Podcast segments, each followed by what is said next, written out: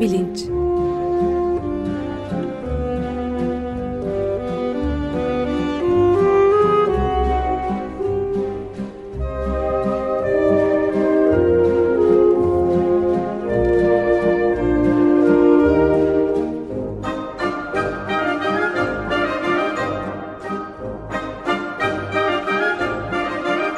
Güven Güzeldere ile bilim ve felsefe sohbetleri.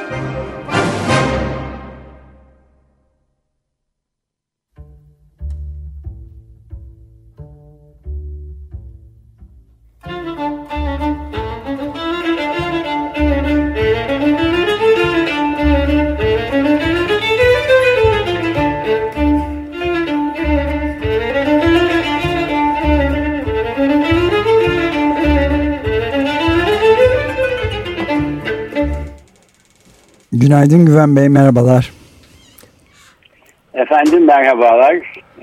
Pardon, bu konuğumuzun cümlesiydi. Günaydın Ömer Bey. Günaydın. Bugün konuğumuz Pınar Erkan, e, Açık Radyo dinleyicilerinin yakından tanıdığı Ahşaptan Betona, Mecidiyeden Jetona programının e, yaratıcısı ve anlatıcısı. Hoş geldiniz. Merhaba Pınar Hanım.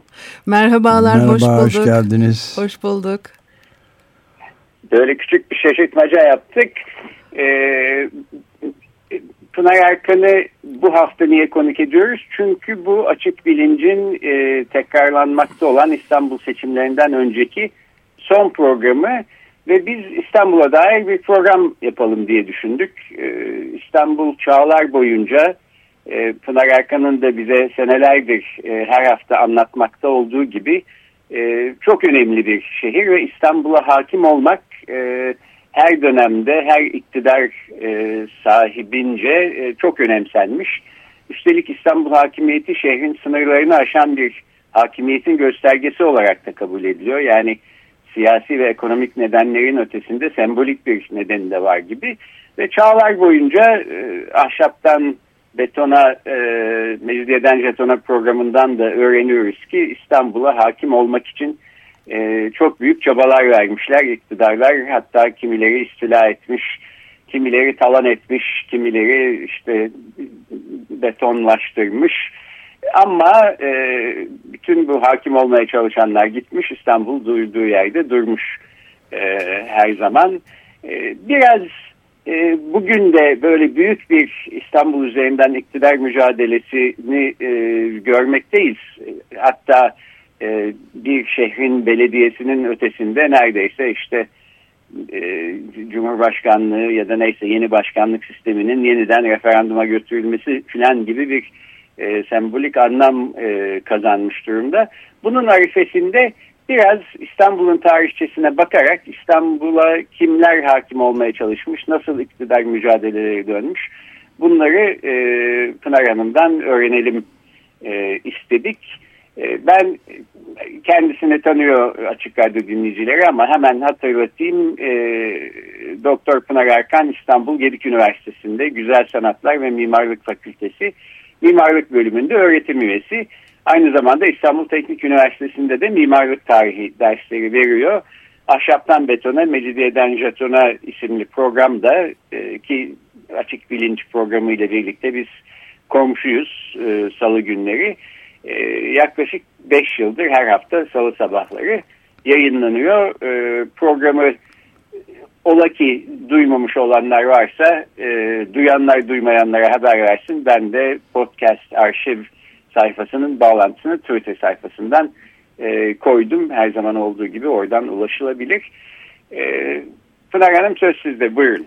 Çok teşekkür ediyorum. Şimdi tabii İstanbul'a hakimiyet dediğiniz gibi çok güzel siz anlattınız. Çağlar boyunca devam eden bir e, arzu nesnesi e, İstanbul ve e, su çok önemli bir imge.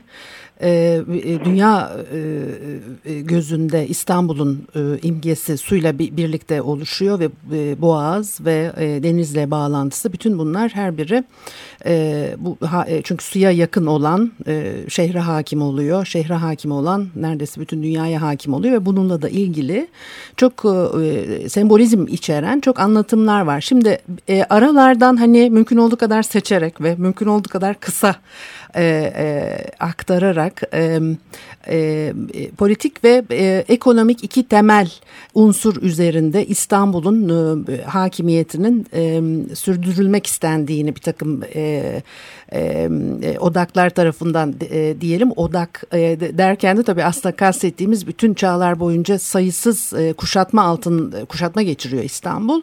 Ve e, her e, bir e, kuşatmada niyet bu bölgeye hakim olmak suya e, hakim olmak ve e, bu bölgenin yarattığı e, o ekonomik e, potansiyele hakim e, olmak. Şimdi Evliya Çelebi ve bu, pek çok dram yaşanıyor aslında e, İstanbul'da. Çok az da değil yani binlerce e, yıllık tarihi olan bir şehir biliyoruz. Şimdi Evliya Çelebi'nin böyle bir e, tanımı var. E, e, e, e, nasıl bir şehir olduğunu e, her birimizin aklında nasıl bir imge oluşturduğunu şehrin anlatan ifadeler bunlar. Onun için size aktarmak istiyorum. Diyor ki bir şehir ve dahi Rum'da Konstantiniye derler. Pesol vakitten beri nice kere bela ve kaza Kah taun, kah zelzeledendir. Burada kahun, e, taun derken kastettiği şey e, veba hastalığı. E, onun içinde bilinmez binalar ve tılsımlar var idi ki cengü asublarla harap olup viran olmuş. Nice yıllar harap yatıp üstünde yırtıcılar ve ejderhalar gezinmiştir. Yedi padişah gelip imaret ve hüküm kılmış, yedi defa yok olup yedi defa can bulmuştur ahir zamanın şerrinden nice bunun gibi hadiseler olmuştur. Ee, Evliya Çelebi'den sonraki e, geçen yüzyılları da çok güzel özetleyen bir e, e, betimleme bu diye düşünüyorum. Şimdi e, tabii şehrin kurgusu milattan önce 7. yüzyıla kadar gidiyor. Ve ilk olarak bugünkü Sarayburnu'nda yüz ölçümü Topkapı Sarayı'ndan daha küçük bir alanda kurulduğu tahmin e, edilen bir şehir e, İstanbul Megaralı Kral Bizans tarafından kuruluyor filan. Fakat e, efsaneleri var kuruluş efsaneleri ve bu efsanelerin içerisinde yine bizim konumuzla bağlantılı olacak bir tanesinin içinden seçip size kısaca özetlemek istiyorum. Evet çünkü İstanbul'un uygarlıklar üzerindeki etkisini bu e, e, efsane çok iyi e, özetliyor. Süleyman Peygamber tüm dünya üzerinde e, hükümranlık kurmuş. Sadece insanları değil, e, kuşu, kurdu, e, karıncayı, balıkları, cinleri, perileri, devlerle cüceleri de yöneten müthiş biri. E, onun egemenliğini kabul etmeyen bir tek hükümdar var. O da Saydun. Çok da mert bir adammış fakat sonuçta yeniliyor. Ve Saydun'un peri yüzlü, İbrişim kirpikli, gökte asılı yıldızlar gibi pırıltılı, eşsiz güzellikte bir kızı varmış. Süleyman peygamber görür görmez aşık oluyor ona. E, gel zaman git zaman kızı bir türlü mutlu edemiyor. E, e, Alin e, adı e, aklımda yanlış kalmadıysa sürekli gözyaşı döküyor Alin. E, nedir diye sorunca diyor ki ey Süleyman duydum ki dünyanın en güzel yeri bir boğazın ucu, üç denizin, iki kıtanın birleştiği bir yer varmış. Bana orasını bul lütfen. Dileğim denizlere, sulara nazır bir e, sarayım olmasıdır. Tabi Süleyman peygamber de e, sevdiği e, kimselere benzemeyen eşsiz güzellikteki kızı e, e, mutlu edecek diye e, hemen e, emir veriyor ve cinler periler, devler cüceler Yelkenleri atlastan, halatları ibrişimden, kürekleri bilmem ne ağacından dev gemilere binmiş bir ordu gönderiyor. Do dönüyor, dolaşıyor. En sonunda Sarayburnu civarına geldiklerinde aradığımız yer burası olmalı diyerek haber uçuruyorlar. Ve buraya yaptırılan e, sarayın da çok muhteşem tasvirleri vardır. Fakat e, Süleyman'ın peri kızı yine mutlu değil. Ağlamaya devam ediyor. Bir takım olaylar oluyor ve e, Süleyman en sonunda kızı öldürtüyor. E, Ayhan Gün, e, Gültaş çok güzel anlatır e, bunu. E, kızı sarayın bahçesine gömüyorlar. Başına bir selvi, ayak ucuna bir ergu, erguvan dikiyorlar. Ve o günden beri de İstanbul'da selviler nazlı nazlı süzülürken erguvanlar her baharda yeniden e, doğuşu e, hatırlatıyor. Yani harcına kadın bedeni konmuş bir şehir burası. E, bütün e, hikayenin özü ve iklimi bundan dolayı yumuşak, suyu billur, e, güneşi sıcak, denizi mavi, insanı narin ve aydınlık, özlemi ateşten yakıcı, yokluğu bir hançer yarası gibi. Ee, hikayenin devamı var. Efsane tamamen böyle değil. Yedi akbabalı kubbeyi arayacak, yerin yedi kat dibindeki çalar saati bulmaya çalışacak filan. Çok güçlü motif ve kurgularla e, ezoterizmin göbeğinde bir şehir İstanbul. Yani son derece önemli ve gizli bilgileri derinliklerinde saklı tutan bir şehir olarak zamanın henüz daha yazılmadığı tarihlerden günümüze bir hafıza barındırıyor. Şimdi bunu bir kenara koyalım. Bu çok önemli çünkü hani hiç bitmemiş bir etki bu. Günlük hayatın içerisinde e, sokakta yürürken hani insanların konuştuğu, yaşadığı, doğrudan farkına vardığı bir şey değil ama ben bunu ta, yıllar önce yüksek lisans öğrencisiyken e, Kapalı Çarşı'da yaptığımız bir tar- e, çalışma sırasında e, çok vurucu bir şekilde hissettim. Biz Kapalı Çarşı'da bir hafta kadar bir araştırma yaptık, çalışma yaptık. Galiba ben aşıyı o zaman aldım. Çünkü o yerin altına e, dehlizlere soktular bizi hani İstanbul'un altında bir İstanbul daha var. Daha var. Hep denir evet öyle.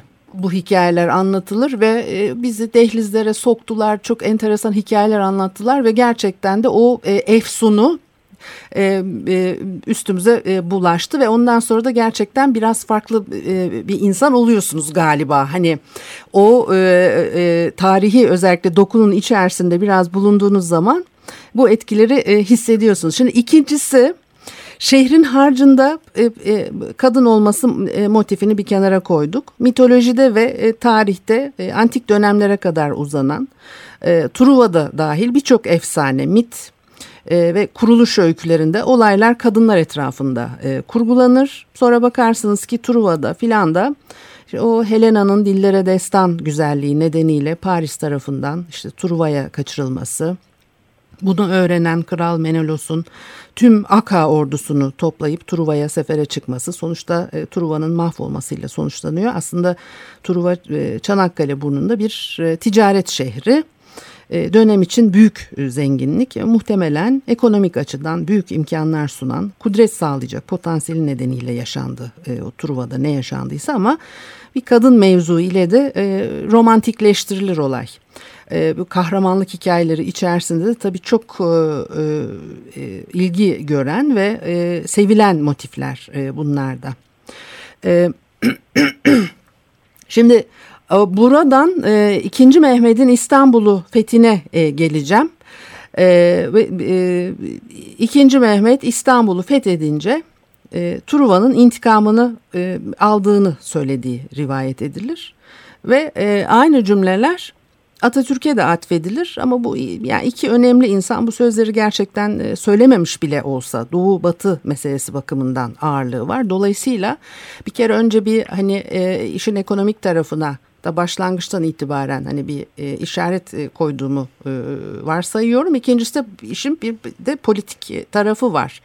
E, e, dolayısıyla e, kaynağımız e, Kritovulos, Rum bir tarihçi kendisi ve Osmanlı e, Katolik topraklarına göz dikmeden önce e, Türklerin e, soyunun e, Truvalılardan geldiğine dair bir takım konuşmaların e, Orta Çağ'da yapıldığını biliyoruz. Bunlar çok tartışılan e, konulardır. Bir takım sağlam kaynaklar da var ama hani ne kadar yaygındı, ne kadar etkiliydi bunları hani e, e, tartışırız. Bir de işte yine bir takım politik sebeplerden dolayı bazı şeyler e, zaman zaman hani e, diğer şeylerden öne çıkabiliyor. Şimdi ikinci Mehmet'in diyor ki e, e, Kritovulos kendi ağzından aktarıyorum bunu da. E, 1462 yılında çıktığı seferi anlatıyor. İkinci Mehmet Çanakkale Boğazı'nı ordusuyla birlikte geçti. Küçük Friga'ya, e, Frigya'ya doğru ilerledi. İlyon'a vardı. Harabeleri e, eski Troya kentinin kalıntılarını gezerek inceledi. Akilius, Ajax gibi kahramanların mezarları hakkında bilgi aldı, anılarını, kahramanlıklarını saygıyla andı ve bu yüce anıyı yaşatan Homeros gibi şairleri bulunduğu için mutlu olduklarını düşündü. Başını yavaştan sallayarak Tanrı bunca yıl sonra da olsa bu şehrin ve sakinlerinin öcünü almayı bana bahşetti düşmanlarını dize getirmek, şehirlerini talan etmek ve ganimeti Misyalılara vermek bana nasip oldu. Geçmişte bu toprakları Grekler, Makedonyalılar, Tesalyalılar, Peloponezliler talan etmişlerdi. Onların soyundan gelenlere hak ettikleri cezayı ben verdim. O zaman ve daha sonraki yıllarda biz Asyalılara yapılan haksızlık benim gayretimle telafi oldu dediği e, rivayet edilir. Hani e, e, Şimdi e, Stefanos Yerasimos e, bu alıntının e, resmi tarihçi Kritovulos tarafından Fatih'in onayı olmadan yazılamayacağını dolayısıyla muhtemelen gerçeği yansıttığını e, ifade eder. E, Stefanos Yerasimos da çok önemli tarihçilerimizden biri. Ben bugün kendi programımda da biraz onun İstanbul'la ilgili başka bir takım yorumlarını da aktaracağım size. Dolayısıyla hani sağlam kaynak olarak onu e, evet. değerlendirip e, görerek e, aktardım bunu size. İkinci Mehmet e, Truva kentinin öcünü aldığını hani açıkça söylüyor. Kendisinden biz Asyalılar diye e, söz ediyor. Yani Asyalılık hep e, Truvalılığın övünülen özelliklerinden biri ora, ola gelmiş ve e, Truva Savaşı da e, tıpkı 3000 yıl sonraki Çanakkale Savaşı gibi e, başta Herodot olmak üzere tarihçiler tarafından bir Avrupa-Asya e, savaşı olarak değerlendirilmiş. E, kilit noktalardan e, bir diğeri. Evet, e, Güven Bey e, siz e, bu noktada bir şey eklemek, sormak ister misiniz? E, yani ben şunu anlıyorum, e, ikinci Mehmet e, bu fethettiği şehrin aslında ne tür sembolik bir öneme sahip olduğunu çok iyi bilen birisi. Sizin bu anlattıklarınızdan işin tarihçesine de mitlerine de hakim ve kendinde ona göre konumlandırıyor. İstanbul'a herhalde her hakim olan İstanbul'un tarihçesine bu derece e, hakim değil ama e, çarpıcı buldum doğrusu işin bu kısmını. E, Homeros'un İlyada ve Odise'nin Topkapı Sarayı'nda birer kopyası var ve e, evet. ikinci Mehmet'in bunları e, birinci Bildi, elden e, hani okudu, bildiği evet. okuduğu anlaşılıyor. E, dolayısıyla e, e, dedikleriniz doğru, son derece bilinçli ve e, farkında ve e, tabii e, e Homeros'un İlyada'yı yazdığı dönemde Avrupa Asya derken Ege Denizi'nin doğu ve batı e, kıyıları kastediliyor e, milattan önce e, 800. 900. yıllardan e, söz ediyoruz. Çünkü e, Truva e, soyu denilmekte de amaç e, Avrupa Helenlerine karşı Asya kaynakları. Hani bunlar görüştür. Farklı kaynaklarda farklı türlü de e, ele alınır. Yani bir yanda Helen, öte yanda e, Truvalılar, bir yanda Avrupalılar, öte yanda Asyalılar ve Avrupalı ulusların ve soyluların kökenlerini o dönemlerde e, Truva'ya bağlamak e, istediklerini görüyoruz. Çünkü Orta Çağ'da e, Truva'nın yani Asya'nın üstün cengaverliği ve e, ahlakı temsil ettiğine e, inanılıyor e, Avrupalı kendi soyluluğunu, kökenlerini Asya'da e, Asya'ya bağlayarak kanıtlamaya çalışıyor. Fakat ondan sonra tabii bu Osmanlı'nın işte Avrupa'ya yürümesi, Katolik kiliseyle o ilişkiler e, bütün e, e konjonktürü tamamen değiştirmiştir. evet. Ve başka türlü bunlar unutulmuştur, az konuşulur olmuştur ve e, tamamen başka türlü bir, yöne e, kaydığını e, görüyoruz etkinin ve e, görüşlerin. Evet. Fatih Sultan Mehmet'in böyle tarih bilincine sahip birisi olması bir açıdan daha e, önemli gözüküyor bana. O da e, hakim olduğu şehre e, gereken saygıyı göstermesi ancak böyle bir bilinçle mümkün. Oysa İstanbul'a hakim olan ya da olmaya çalışan herkesin böyle bir bilince sahip olmadığını da görüyoruz.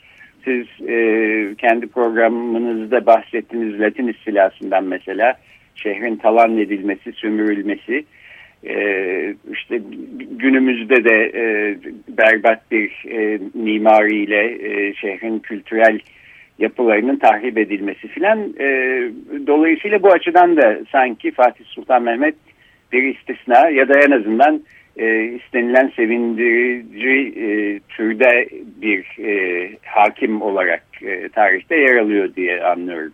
E, ikinci hiç istemiyor. Şehri yakıp yıkmayı hiç istemiyor. O üç günlük e, işte talan resmi talan süresi. Evet, on, ona ona da hiç erken bitiriyor onu. Yani e, e, dolayısıyla e, şehri olduğu gibi e, korumak ve e, istiyor.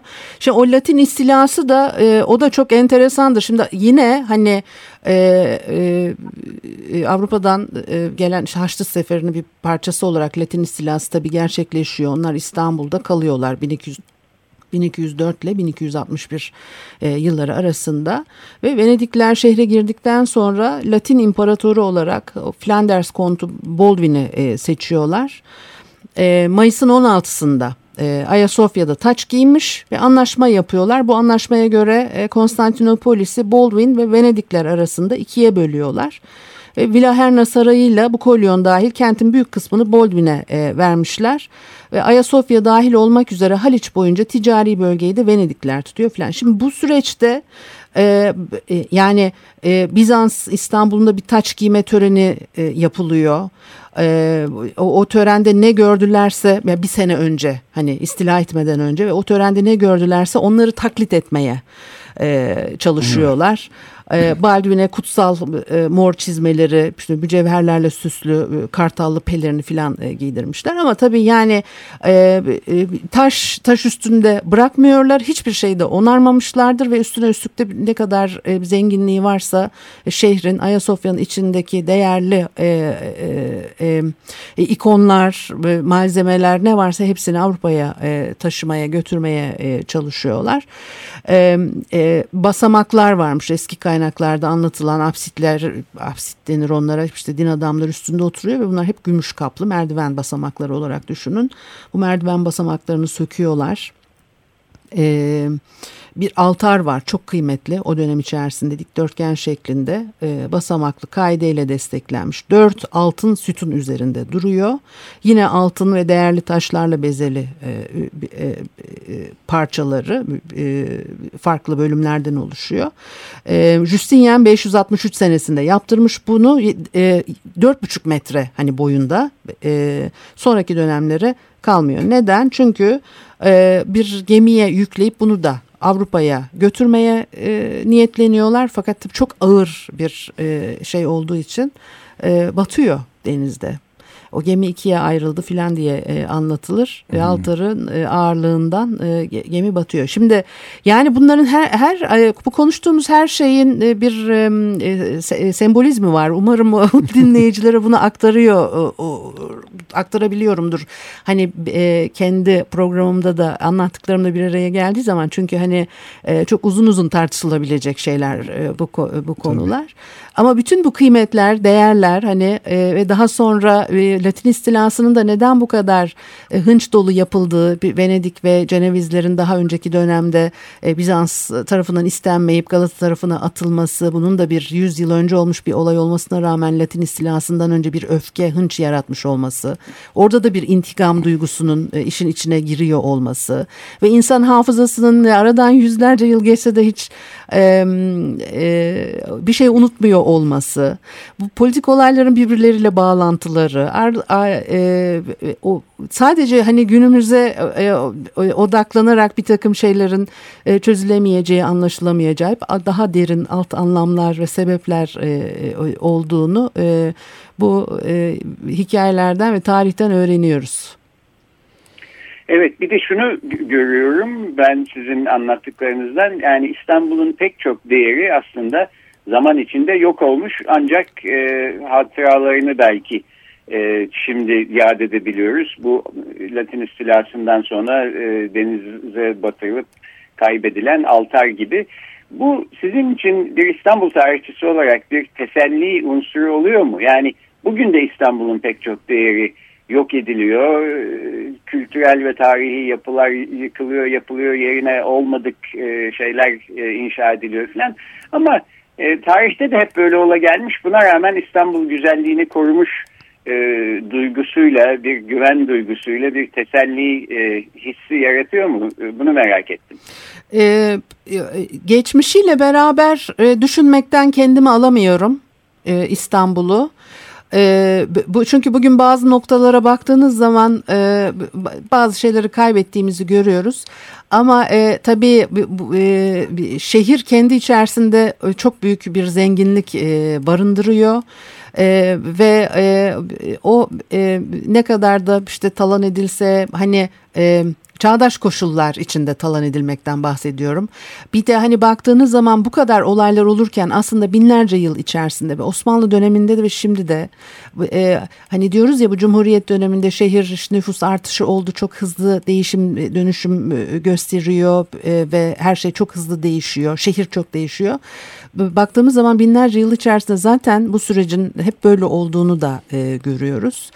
E, Bizans devrinde de bu böyle e, dedim ya yani Hunlar gelmiş, Araplar gelmiş, e, Bulgarlar gelmiş e, ve çok çeşitli olaylar yaşanmış şehir içerisinde. 2. Mehmet'ten önce defalarca kere o, şehir e, istila edilmiş falan. Bunların her biri birer değişim sebebi. Ondan sonraki Osmanlı döneminde de sürekli bir değişim dönüşüm görüyoruz. Cumhuriyet döneminde de aynı şeyi görüyoruz. Ve e, Avrupa'da da benzer şeyler 19. yüzyılda yaşanıyor. Onun bir uzantısı olarak şehirde de e, bu değişim dönüşüm süreçlerinin işlediğini görüyoruz. Yani biz sadece kendi oturduğumuz noktadan bakmamalıyız. Kendimizi dünya üzerinde olabildiğince doğru konumlandırmaya çalışıp e, hani sanki böyle bir dünyadan izole edilmiş bir e, ülkede veya şehirde yaşıyormuş gibi değerlendirmemeliyiz. Hem şehri hem e, e, bugün ülkemizde e, işte e, e, ne yaşanıyorsa e, biraz geriden biraz önden giderek dünyada da paralel şekilde benzer bir havanın atmosferin e, devam ettiğini e, görüyoruz.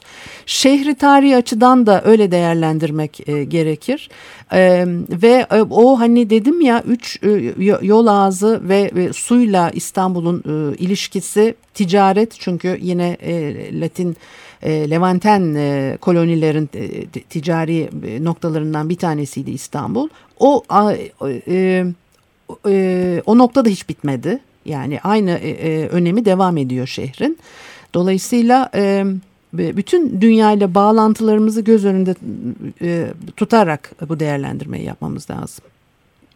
Evet inşaat evet. panolarında da şehir senin hayat senin gibi laflarla dalga geçiyorlar bizimle ama olsun. E, e, maalesef hani e, bir de tabii biz bütün bu e, biraz hani e, detaya girerek e, nokta atışı yaparak biraz bunları konuştuk ama, ama e, aslında hani e, toprağın altında ne olduğunu hani tırnak içinde söylüyorum bilmeden de e, yaşıyoruz. Dolayısıyla da böyle şeylere evet, maruz kalıyoruz çok... ve onun ne anlama geldiğini de çok fark edemiyoruz maalesef. Evet.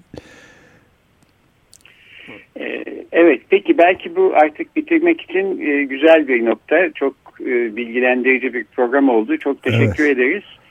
E, bugün konuğumuz mimarlık tarihçisi Doktor Pınar Erkan'dı. E, bu konuları çok daha detaylı bir şekilde Ahşaptan Betona, Mecidiyeden Jetona isimli haftalık güzel programında da e, aktarıyor. Oradan dinlemek mümkün. Bütün podcast kayıtlarına ulaşmak mümkün. Evet, eğlenceli e, anekdotlarla hafta... birlikte. Evet, evet. E, benim de en sevdiğim programlardan bir tanesi hiç kaçırmamaya gayret ediyorum. E, bir değişiklik, aksilik olmamışsa gelecek hafta e, açık bilinci yaparken İstanbul'un yeni hakimi şimdilik en azından kim olmuş öğrenmiş olmamız lazım. Her şey daha güzel mi olacak, çok güzel mi olacak yoksa sosyal medyada söylendiği şekliyle aşırı güzel mi olacak? E, belki bunu biliyor olacağız. E, genel bir e, İstanbul sonuçları çerçevesinde e, siyasi değerlendirme yapmak üzere Sabancı Üniversitesi'nden siyaset bilimci Profesör Ersin Kalaycıoğlu konuğumuz olacak. E, haftaya görüşmek üzere, hoşçakalın. Çok teşekkürler Pınar Hanım. Görüşmek üzere. Ben teşekkür ediyorum. Görüşmek üzere. Hoşçakalın diyorum herkese. Güven Bey hoşçakalın. Teşekkürler. Hoşçakalın.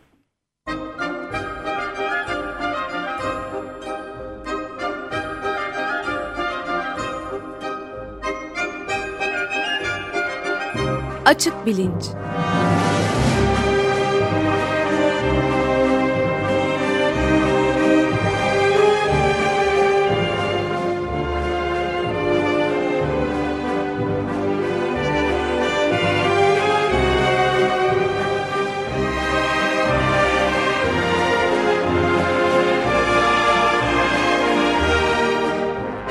Güven Güzeldere ile bilim ve felsefe sohbetleri.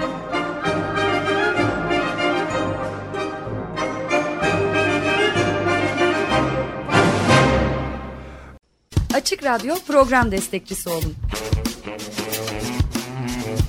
Bir veya daha fazla programa destek olmak için 212 alan koduyla 343 41 41